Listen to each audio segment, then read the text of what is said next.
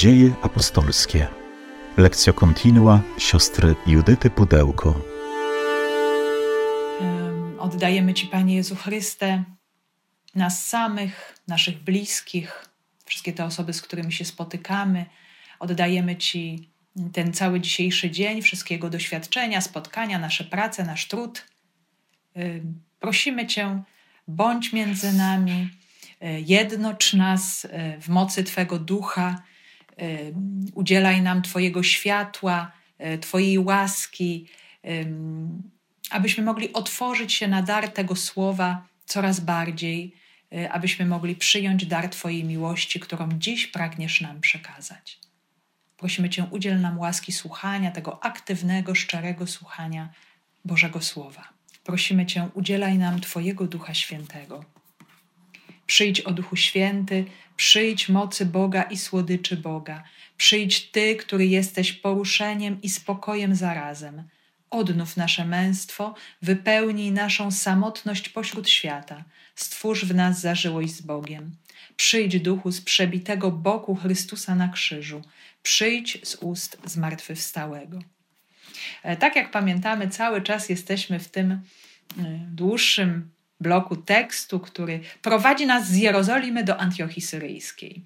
A zatem od ósmego rozdziału, od czasu prześladowań wspólnoty jerozolimskiej, e, chrześcijanie się rozbiegają, uczniowie Jezusa idą w różne strony najpierw poza Jerozolimę, potem dalej, e, żeby w końcu dojść do bardzo ważnego punktu Antiochii Syryjskiej, do czego mam nadzieję niebawem dojdziemy również i my.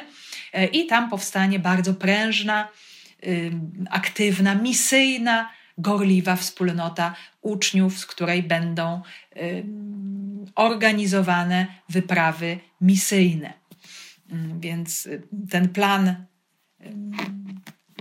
misji który został wytyczony przez Jezusa przed momentem w niebo wstąpienia, e, on jest stopniowo i powoli realizowany. Właśnie bardzo stopniowo i powoli, ale właśnie Duch Święty w taki sposób prowadzi Kościół, w taki sposób prowadzi również nas. My też do końca nie wiemy, e, zwłaszcza ten czas obecny nam to bardzo wyraźnie pokazuje, jak Pan Bóg będzie nas prowadził, jakich będzie używał środków, sposobności do tego, żeby Jego słowo było głoszone a wiemy, że Pan tych środków ma bardzo wiele, tych możliwości, tych różnych projektów, które z czasem e, będzie nam objawiał, tak jak to było w przypadku pierwszej wspólnoty uczniów. E, więc takie otwarcie, o czym sobie mówiliśmy, to wyjście na świat, to wyjście poza e, ten bezpieczny teren Jerozolimy, pójście dalej, wykroczenie poza nią, więc ewangelizacja Samarii, ewangelizacja różnych innych miejsc w, w Judei, czy poza Judeą, czy w Galilei, czy, czy na wybrzeżu. E, właśnie wszystko to, aby zanieść to Słowo Boże dalej, bo tam, gdzie uczeń, ten, który wierzy, e, się udaje, tam niesie Jezusa Chrystusa i mm, tam pozostawia gdzieś ziarno Ewangelii. E, także ten kontekst taki ostatnio bezpośredni, który możemy sobie też nieustannie przypominać, to oczywiście nawiązujemy cały czas do postaci świętego Piotra, głowy wspólnoty apostołów, y, tej wspólnoty jerozolimskiej i musimy coś jeszcze sobie powiedzieć o Korneliuszu, bo to są ci dwaj bohaterowie dosyć długich pasusów tekstu, dziejów apostolskich. Y, cała ta historia jest opowiadana, jak zaraz zobaczymy, bardzo powoli, jakby w zwolnionym tempie, y, żeby pokazać nam krok po kroku, jak Pan Bóg działa, y, jak Pan Bóg to wszystko w przedziwny sposób organizuje. Więc usłyszeliśmy już o tym, jak Piotr Udał się w swoją podróż poza Jerozolimę, jak nawiedza wspólnoty, jak tam dokonują się cuda.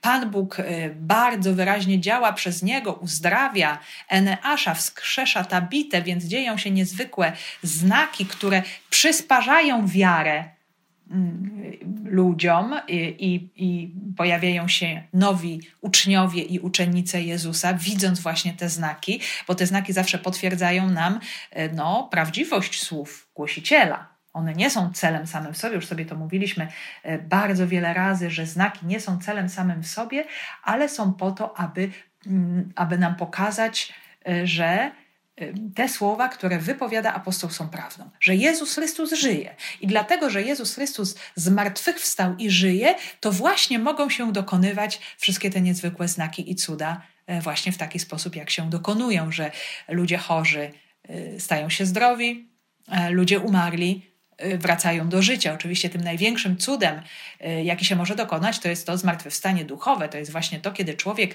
ze śmierci duchowej y, przychodzi do życia, do nowego życia dziecka Bożego, kiedy właśnie otwiera się na wiarę, przyjmuje chrzest. To jest ten największy cud, który człowiek może tutaj na tej ziemi otrzymać, e, bo ten cud go też otwiera na e, no, ten największy cud, jakim, jakim będzie to życie wieczne, tu zapoczątkowane i potem kontynuowane e, w, w rzeczywistości naszego zmartwychwstania, podobnego do zmartwychwstania Chrystusa. Więc, więc mamy właśnie te wszystkie znaki, przypatrujemy się Piotrowi, no a później święty Łukasz, autor dziejów apostolskich, zechciał pokazać nam nową postać, nowego bohatera, e, setnika rzymskiego o imieniu Korneliusz, e, który wbrew pozorom, bo możemy mieć oczywiście takie bardzo mieszane uczucia, mówiąc o poganach, o Rzymianach, e, okupantach, mm, znienawidzonych przez Żydów. Tutaj mamy bardzo pozytywnego bohatera, bardzo prawego, bogobojnego człowieka, który szukał Boga prawdziwego, który nie uległ bałwochwalstwu, idolatrii, e, pomimo że pełnił e, znaczną godność setnika, e, czyli zrobił jakąś karierę w wojsku, był człowiekiem zasłużonym, ale szukał czegoś więcej. Mieszkał w Cezarei Nadmorskiej i tam mm, no, szukał Szukał czegoś więcej, szukał spotkania z Bogiem prawdziwym, a to też objawiało się w życiu bardzo prawym, bardzo szczerym, y, modlitwie i też pomocy innym ludziom. Właśnie y, czynił hojne jałmużny, jak pamiętamy, i były to również właśnie te jałmużny skierowane do wspólnoty Żydów mieszkających w Cezarei. Wspierał tamtejszą synagogę no i to wszystko stawało się jakąś rzeczywistością przygotowującą Korneliusza do jeszcze większych darów, do jeszcze większych łask, y, które miały się dalej objawiać mm, w jego życiu. Y, więc, tak jak pamiętamy, Korneliusz modli się. Jest to czas składania ofiary w świątyni jerozolimskiej, tej popołudniowej, tej, która zawsze nam na myśl przywodzi ofiarę Jezusa Chrystusa godzinie 15 to jest dziewiąta godzina dnia, i wtedy ma wizję, e, widzi e, jakiegoś niezwykłego e, człowieka, anioła, który przekazuje mu wolę Boga. To, co czynisz, jest miłe Bogu. To, to, to, co czynisz, to, w jaki sposób żyjesz, jest widziane przez Boga. I dlatego Bóg widzi, że jesteś gotowy do no, nowych rzeczy, do otwarcia się na nowe łaski. Dlatego niezwłocznie pośli po e, człowieka, e, który obecnie przebywa w Jafie, Szymona, zwanego Piotrem, i on powie ci, co masz zrobić.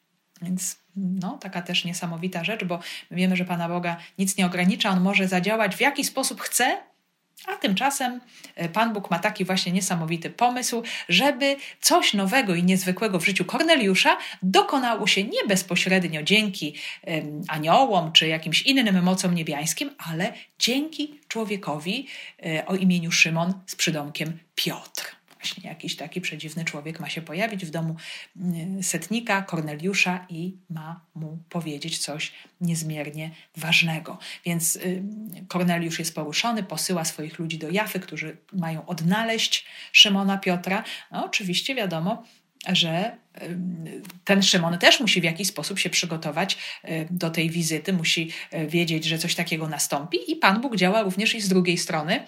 I ostatnim razem czytaliśmy sobie o wizji, która miała miejsce w domu Szymona Garbarza. Więc garbarze zajmowali się garbowaniem, e, garbowaniem skór, i te skóry one służyły i do wyrobu różnych rzeczy, różnych przedmiotów, ale też do przygotowywania zwojów służących później do przepisywania świętych tekstów, więc e, były one niesamowicie ważne, istotne, potrzebne. Niemniej jednak taki garbarz no, miał do czynienia z martwymi zwierzętami, z krwią, z ich skórami. E, praca była no, niezbyt miła, przyjemna, ale też narażała takich ludzi na nieczystość rytualną. W związku z tym no, nie było to miejsce jakieś szczególnie zaszczytne, przyjemne i miłe. E, także było nieprzyjemne ze względu na, na zapachy, które no, w domu garbarzy się nieustannie unosiły. I no, nie jest to przypadkiem, że Piotr znajduje się właśnie w takim miejscu, gdzie jest jakiś kontakt z pewną nieczystością. On, który jest w miarę pobożnym Żydem, który zna Torę, zna prawo, mm, znajduje się w domu człowieka, który no, nie, nie był przez ludzi pobożnych zbyt bardzo szanowany. I właśnie to miejsce staje się miejscem szczególnego przekazu, jakiegoś właśnie szczególnego oświecenia w życiu Piotra. Bo oto Piotr, który wychodzi na taras, y, który znajduje się na dachu tego domu, pewnie z widokiem na y, Morze Śródziemne, by zaczerpnąć świeżego powietrza, no, chce się modlić jest to szósta godzina, czyli południe, bardzo trudny moment e, w ciągu dnia, kiedy człowiek jest zmęczony. Piotr dodatkowo czuje głód, jest głodny, chciałby coś zjeść. No może ten posiłek za chwilę będzie przygotowany, ale jeszcze go nie ma. I wpada w zachwyt. E, jego serce jest jakoś poruszone w sposób szczególny do takiego stopnia, że jego zmysły zaczynają widzieć coś niezwykłego. Po prostu Piotr ma wizję bardzo dziwną, widzi niezwykły przedmiot spadający z nieba, e, który przychodzi do niego z otwartego nieba. Na tym e, przedmiocie, na tej tkaninie, e, jakby są, są umieszczone różne zwierzęta, różnych gatunków, rodzajów, i czyste, i nieczyste, i słyszy głos nieba: Zabijaj Piotrze jedz. I Piotr czuje wielki opór, oburzenie, przerażenie. Y, no jak to głos z nieba może mi nakazywać jedzenie zwierząt nieczystych rytualnie, czy bez jakiegoś rozróżnienia, co mogę, a czego nie mogę. Piotr czuje ogromne opory i wizja ta y, i, i głos pojawia się trzykrotnie. Widać, jak bardzo Piotr czuje się tutaj, możemy powiedzieć, zablokowany czy niechętny wobec tej rzeczywistości. Jest ona dla niego nie do pomyślenia, jest bardzo trudna. Ta wizja ma go przekonać, ma go otworzyć, bo głos nieba mówi mu: Nie nazywaj nieczystym tego, co oczyścił Bóg. Ale Piotr nadal nie rozumie, nie wie, co ma e, w tej sytuacji tutaj zrobić, jak ma się zachować co to wszystko ma znaczyć, czuje się w jakiś sposób zagubiony, zadziwiony. Ta, ta rzeczywistość go całkowicie przerasta, czuje ogromny opór wewnętrzny. To też jest, moi drodzy, bardzo no, takie ciekawe doświadczenie, ciekawy obraz, który nam pokazuje, że e, również w pewnych rzeczywistościach duchowych człowiek może do pewnych momentów swojego życia, czy misji, czy życia chrześcijańskiego e, dojrzewać stopniowo. E, my możemy pewnych rzeczy nie rozumieć, nie pojmować. Bóg może nam pokazywać pewne rzeczy, e, do których początkowo nie jesteśmy przekonani, przygotowani. A Jego wola gdzieś pociąga nas do jakichś nowych przestrzeni, do nowości, do której prowadzi Duch Święty, który chce zbawienia każdego człowieka.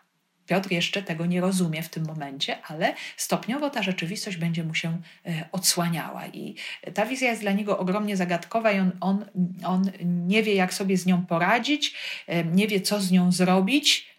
Mm, I dzieje się też coś bardzo ciekawego, bo oto, e, kiedy on się nad tym wszystkim zastanawia, słyszy ludzi, i, I, widać, że są to Rzymianie, którzy przybywają na głos, przechodzą, rozmawiają, wołają: Szukamy Szymona zwanego Piotrem. Czy jest tutaj, czy mieszka w tym domu, czy gości tutaj w tym domu?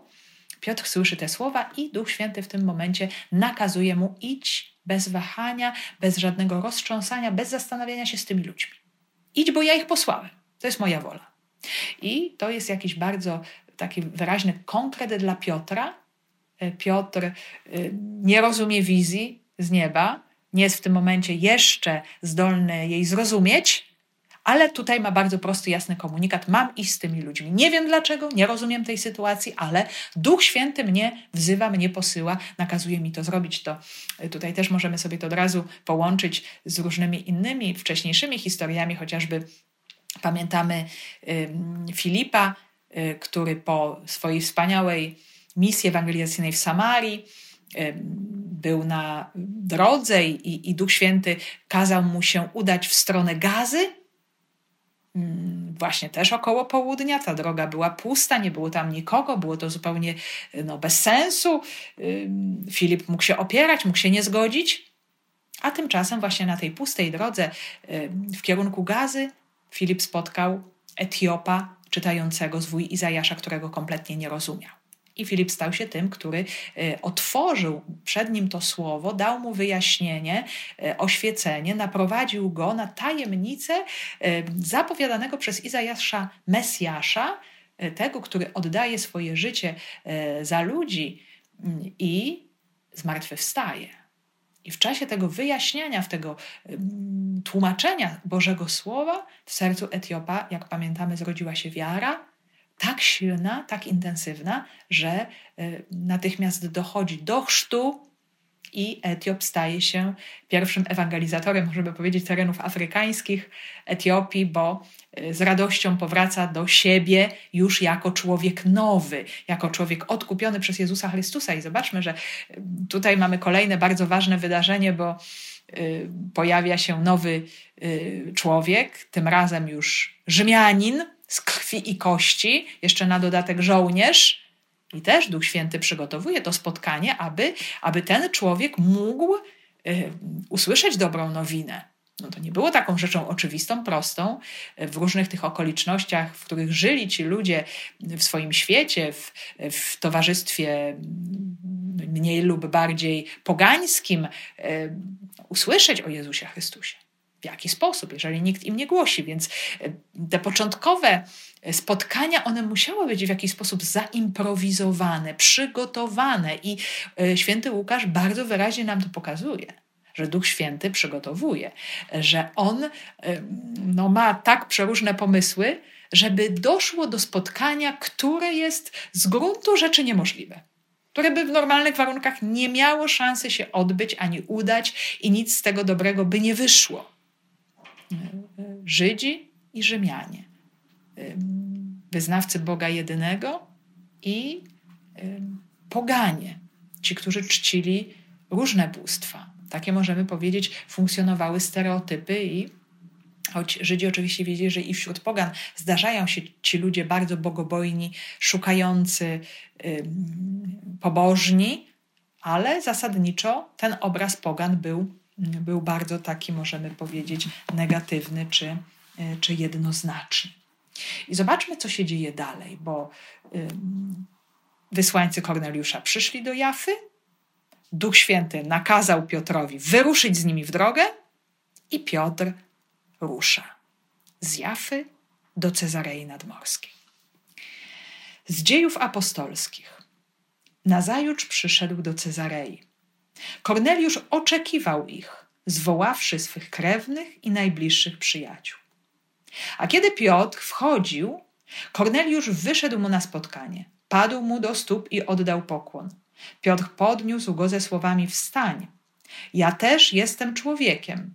A rozmawiając z nim, wszedł i zastał licznie zgromadzonych.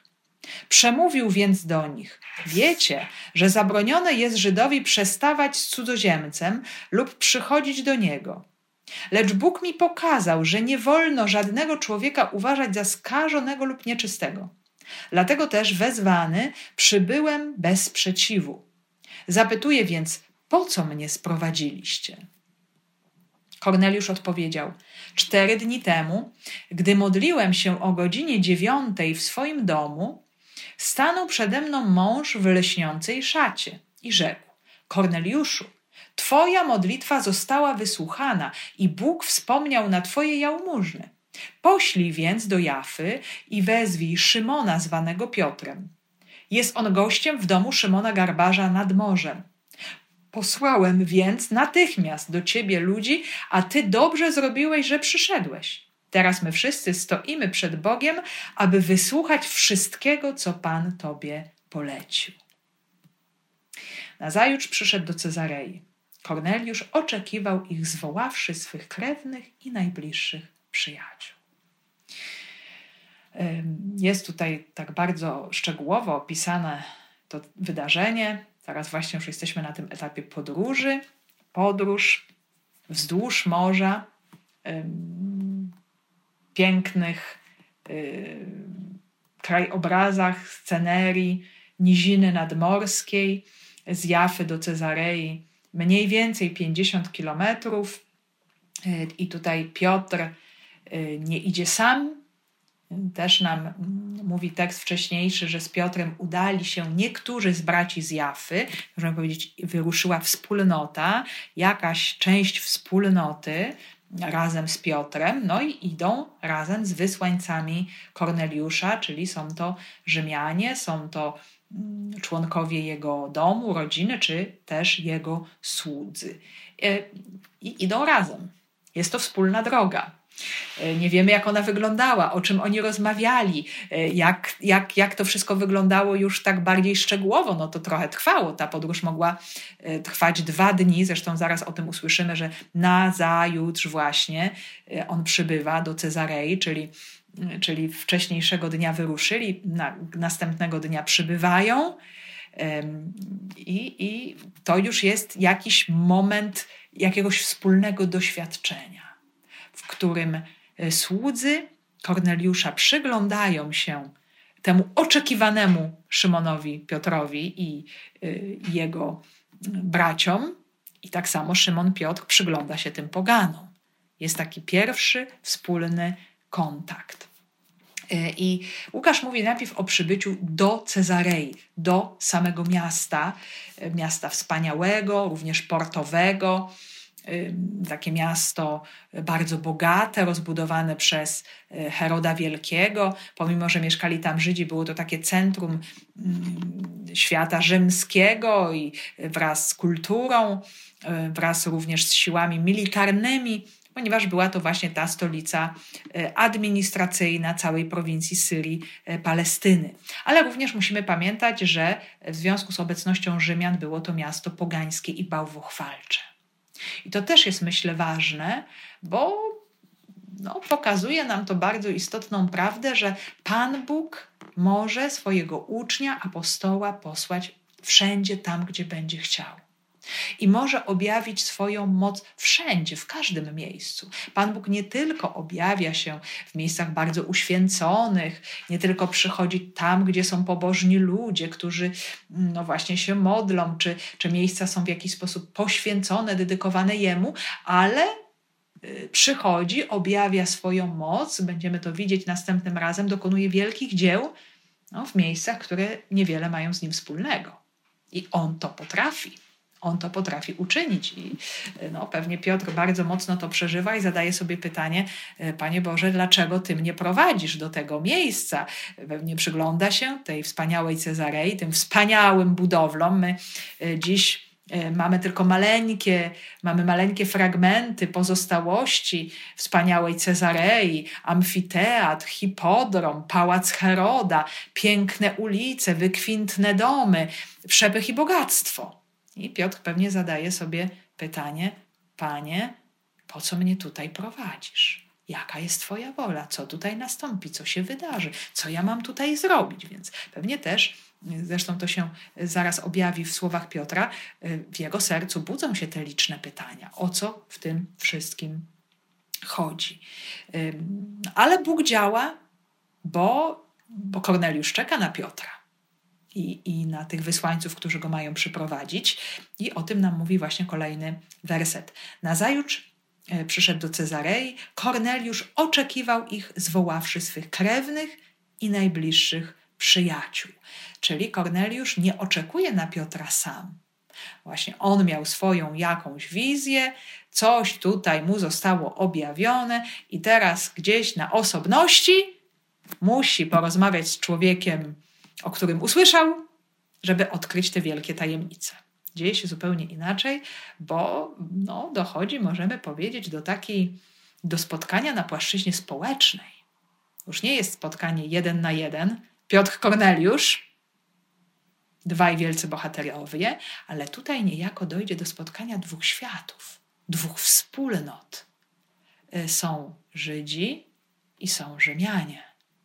Są wyznawcy Boga jedynego, który, którzy teraz na dodatek, możemy powiedzieć, ten, ten ich judaizm jest ukierunkowany na Jezusa jako Mesjasza i Syna Bożego, jest można powiedzieć dopiero początek kształtowania się chrześcijaństwa, jeszcze nawet ta nazwa nie pada.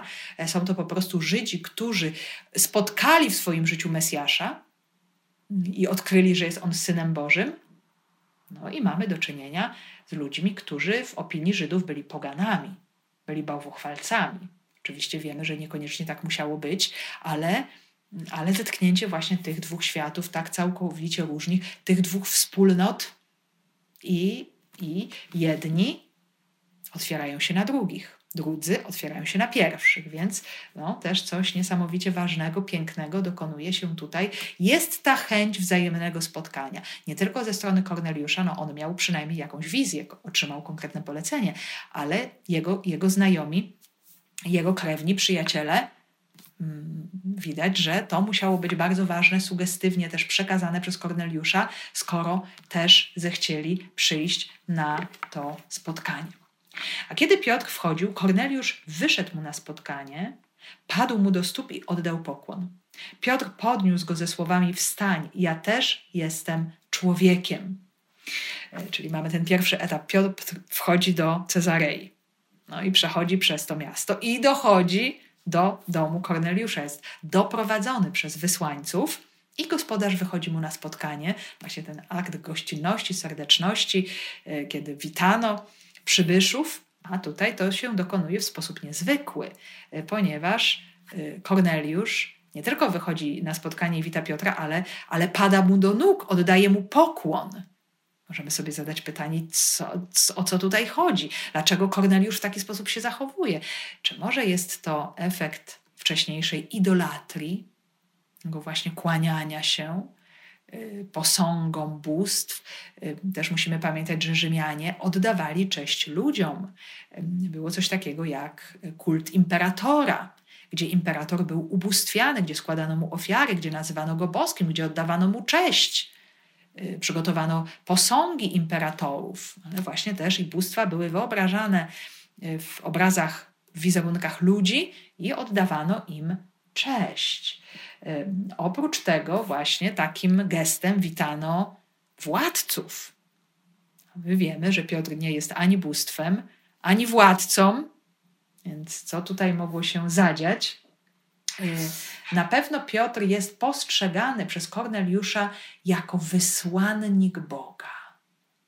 I w starożytności, to i w świecie pogańskim, ale również w świecie żydowskim, wysłannik był traktowany, był szanowany, można powiedzieć, ten poseł był traktowany tak jak ten, który posyła tego posła.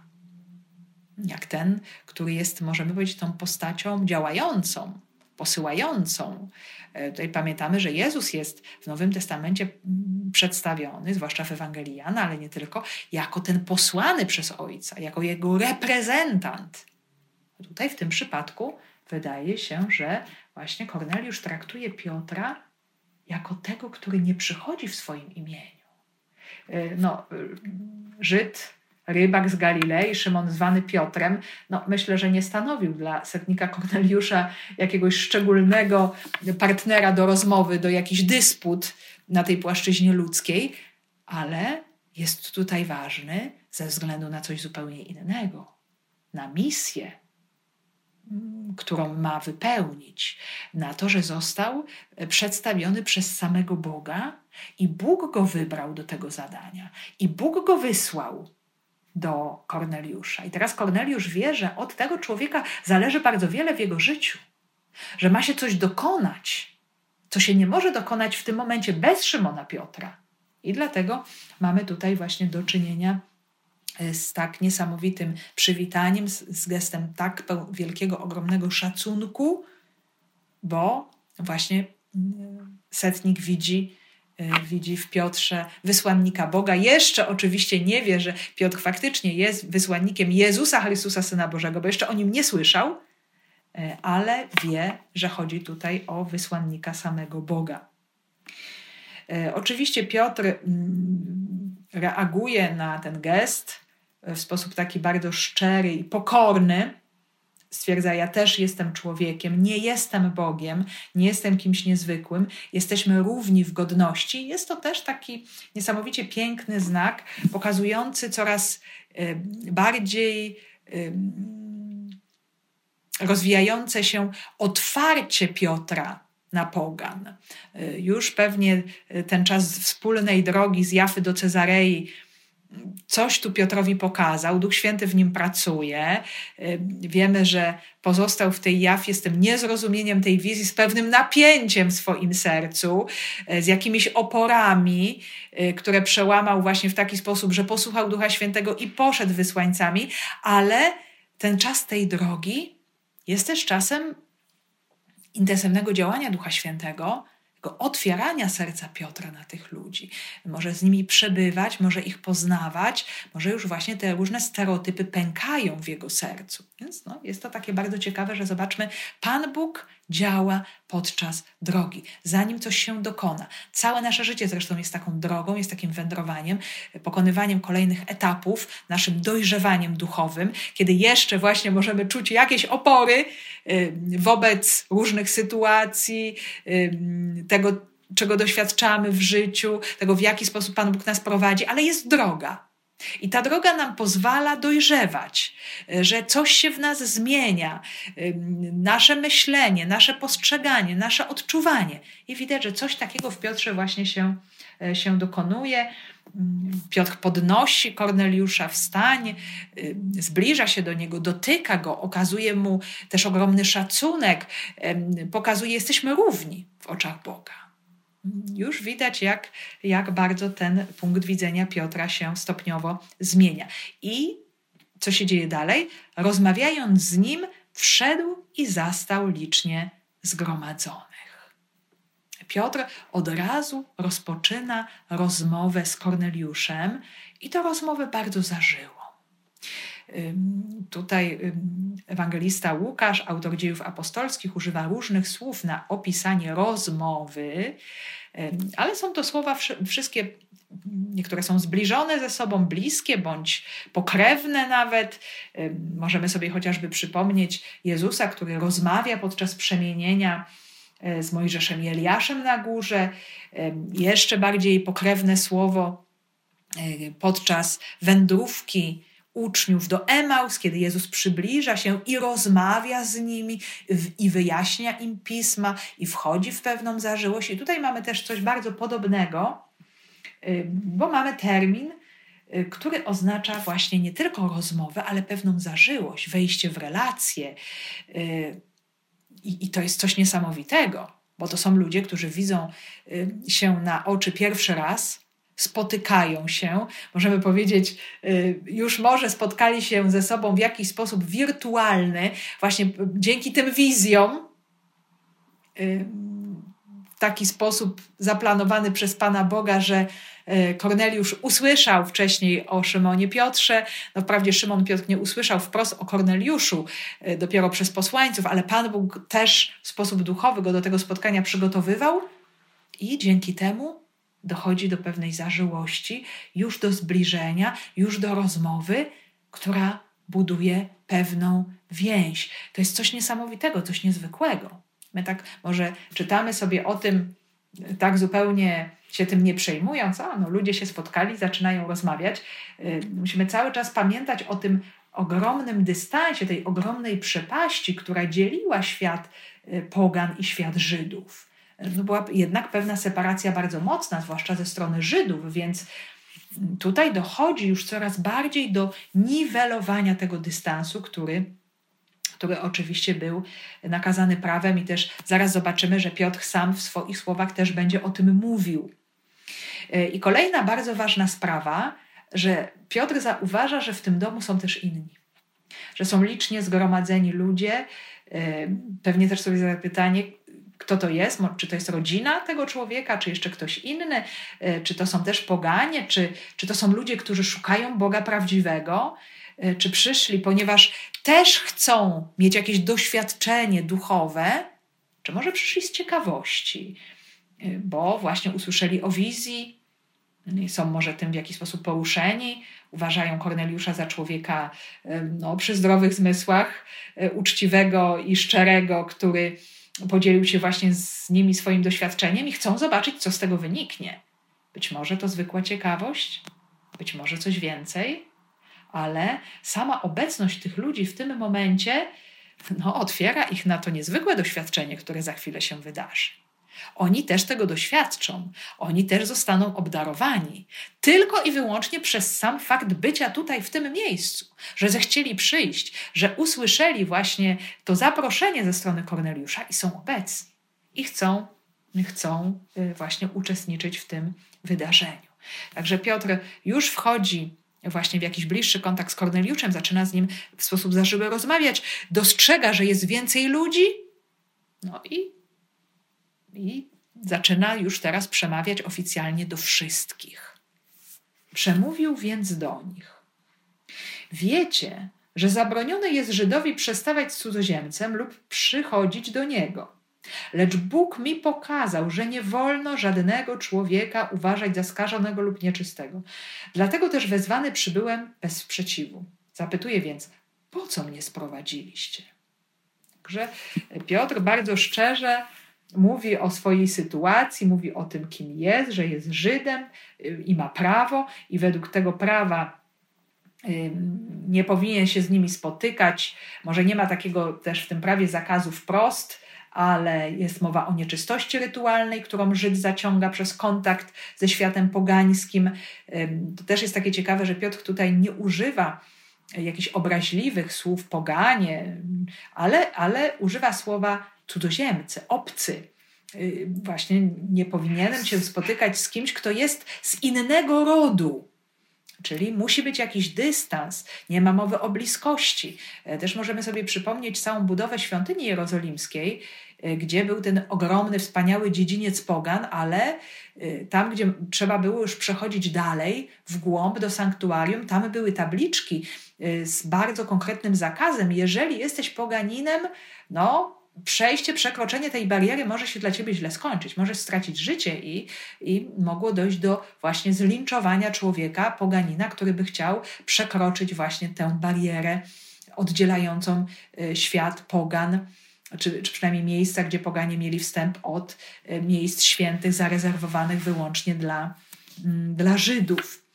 Y, także Żydzi widzieli w poganach po pierwsze źródło bałwochwalstwa, idolatrii, czyli byli to ci ludzie, którzy składali ofiary bożkom i w jakiś sposób też zachęcali Żydów do tych e, czynności. No, oni już o tym wiedzieli z dawnej swojej historii, że e, bardzo często te kontakty z poganami już u samych początków ich historii, e, czy podczas wyjścia chociażby z Egiptu, podczas wędrówki przez pustynię, tam gdzie spotykali te obce ludy, byli przez nie zachęcani do bałwochwalstwa i tak się później też i działo już po wejściu do ziemi obiecanej. No i poza tym też y, z tymi łączyły się pewne działania niemoralne, grzeszne, sprzeciwiające się dekalogowi. E, więc było to takie podwójne zagrożenie dla dla ludu Boga. Trzeba się było odseparować, oddzielić. E, Żydzi pamiętali e, tragiczny przykład najmądrzejszego na świecie króla Salomona, który sam popadł w bałwochwalstwo przez kontakt z pogańskimi żonami. Więc, więc to doświadczenie nakazywało trzymać się na dystans, chociaż z drugiej strony Biblia też pokazuje nam wiele pozytywnych przykładów pogan, nawet kobiet pogańskich, które stały się Izraelitkami i, i, i przyjęły wiarę w Boga jedynego. Więc takie sytuacje również miały y, miejsce.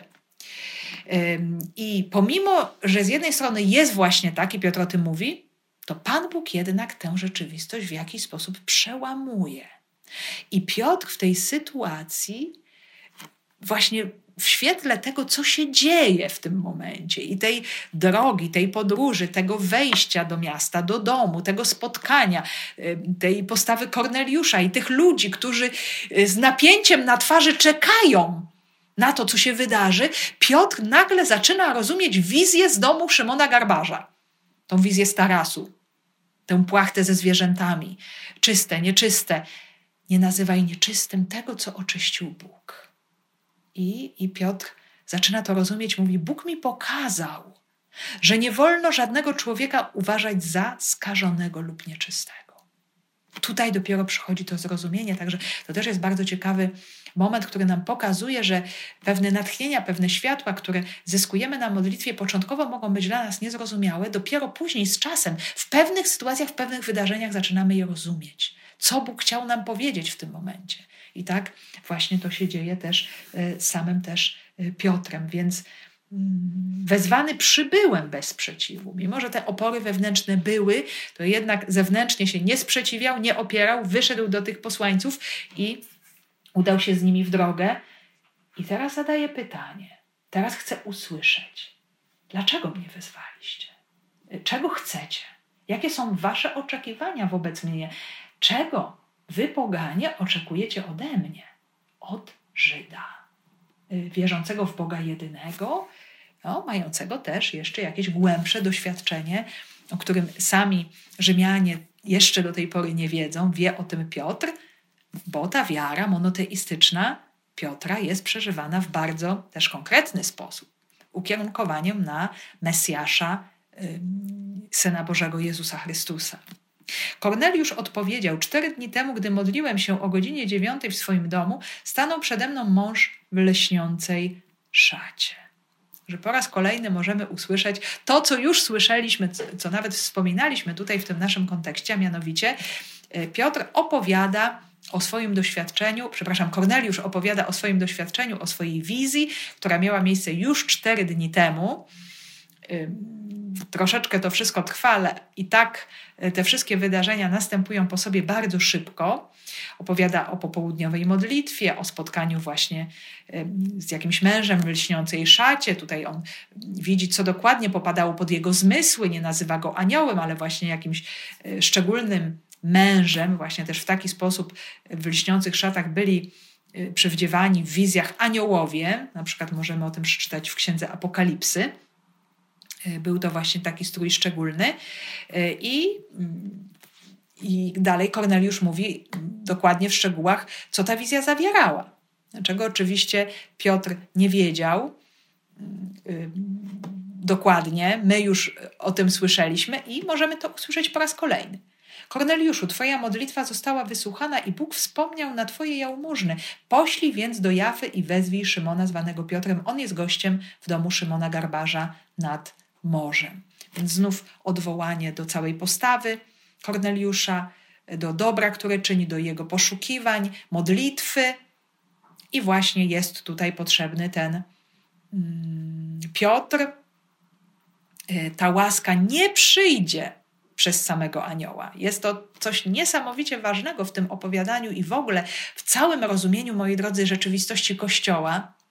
Bo zobaczmy, nawet jeżeli są jakieś objawienia prywatne, niezwykłe, wspaniałe, to one i tak muszą być weryfikowane przez kogo? Przez Kościół.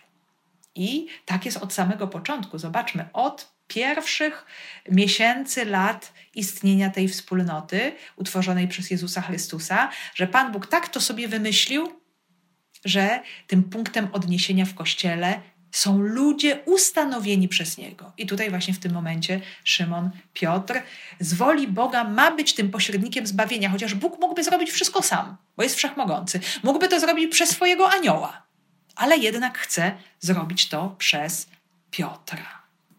E, także mm, Korneliusz właśnie daje to świadectwo tej wizji, tego, że te jego modlitwy zostały wysłuchane. My dokładnie nie wiemy, o co on się modlił, czy prosił Boga o jakiś szczególny dar e, właśnie poznania Go, doświadczenia Jego łaski, czy to były jeszcze jakieś inne modlitwy, ale te modlitwy zostały wysłuchane właśnie w taki sposób, że został sprowadzony Piotr jako ten, dzięki któremu uskutecznie się zbawienie w jego domu. E, będzie on e, właśnie świadkiem niezwykłego daru obdarowania właśnie zbawieniem. Czyli e, no to jest też takie niesamowite, bo nie wiemy dokładnie, czego ten Korneliusz chciał. Być może chciał się stać żarliwym wyznawcą Boga jedynego, nie wiedział, jak to do końca zrobić, a za chwilę się przekona, że otrzyma coś o wiele więcej że otrzyma pełnię łaski, no, której nawet jeszcze, na którą nie otwarli się nawet wszyscy Żydzi. Więc no, to będzie też coś niezwykłego, niesamowitego, ale Korneliusz o tym jeszcze nie wie. E, więc posłałem więc natychmiast do ciebie ludzi, a ty dobrze zrobiłeś, że przyszedłeś. Teraz my wszyscy stoimy przed Bogiem, aby wysłuchać wszystkiego, co Pan tobie polecił. Więc e, zobaczmy, jeden i drugi są otwarci na działanie Boże. Korneliusz e, w pełni posłuszeństwa posyła po Piotra, słucha, oczekuje, i tak samo Piotr słucha Ducha Świętego, przychodzi do Korneliusza, więc mamy właśnie tutaj ten akt tego podwójnego posłuszeństwa, jednego i drugiego, żeby wypełnić wolę Boga, chociaż zarówno jeden, jak i drugi nie rozumie tego wszystkiego, co się dzieje i co Pan Bóg chce z tym wszystkim zrobić. Zobaczmy, jakie to jest niesamowite. Bardzo często może być tak, że w tych wielkich dziełach Bożych ci, którzy się na nie otwierają, ci, którzy stają się narzędziami Pana Boga, nie rozumieją do końca, o co chodzi w tym wszystkim ale są otwarci, ale mówią tak, nie wiedząc, do czego to wszystko doprowadzi. I tutaj właśnie mamy też mm, właśnie taką rzeczywistość bardzo ważną. I, I, kolejna sprawa też istotna, moi drodzy, Korneliusz i jego ludzie chcą słuchać Piotra chcą się otworzyć na słowo. Y, I chociaż widzenie jest rzeczą niezwykłą, niesamowitą, wspaniałą, ale oni teraz mają wysłuchać świadectwa człowieka. Y, wiedzą to od anioła, że ten Piotr, ten prosty rybak z Galilei, on posiada jakąś niezwykłą prawdę, objawioną mu przez Boga, o której oni na razie nie wiedzą. I Bóg nie chce objawić im inaczej tej prawdy, jak tylko właśnie przez Piotra. I zobaczmy, czekają na to słowo mm, i, i to się za chwilę dokona. Mam nadzieję, że będziemy mogli y, w następnym tygodniu wysłuchać tego, co się dokona w sposób niesamowity i cudowny. Na razie jeszcze trwamy w tym oczekiwaniu y, na to, co Piotr powie. Korneliusz oczekuje na to słowo, a Piotr ma je wygłosić. Dlaczego? Ponieważ spodobało się Bogu przez głupstwo głoszenia słowa zbawić świat. I właśnie tutaj, po raz kolejny w dziejach apostolskich, możemy być tego świadkami. Będzie głoszone zwykłe słowo, ten Piotr nie będzie wiedział nawet, co ma powiedzieć. I dokona się niezwykły, y, cudowny moment. Duch Święty stąpi z wielką mocą na świat pogański, zanim dokona się ich chrzest ale y, my to sobie wszystko przeczytamy bardzo dokładnie już następnym razem. Teraz jeszcze trwamy w tym oczekiwaniu y, i możemy sobie osobiście zadać to pytanie: a jak tego rodzaju sytuacje dokonują się w moim życiu? Być może również i Bóg do mnie posyła kogoś ze słowem, y, kto ma mi przynieść dobrą nowinę od Jezusa Chrystusa, czy chcę to słowo przyjąć, i być może też jest tak, że to ja jestem tym, który ma zanieść to Słowo Boże innym.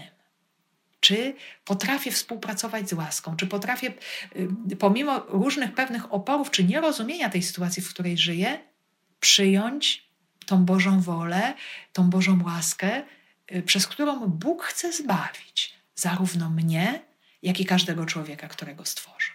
Pozostańmy więc, moi drodzy, z tym słowem. Pozdrawiam Was bardzo serdecznie.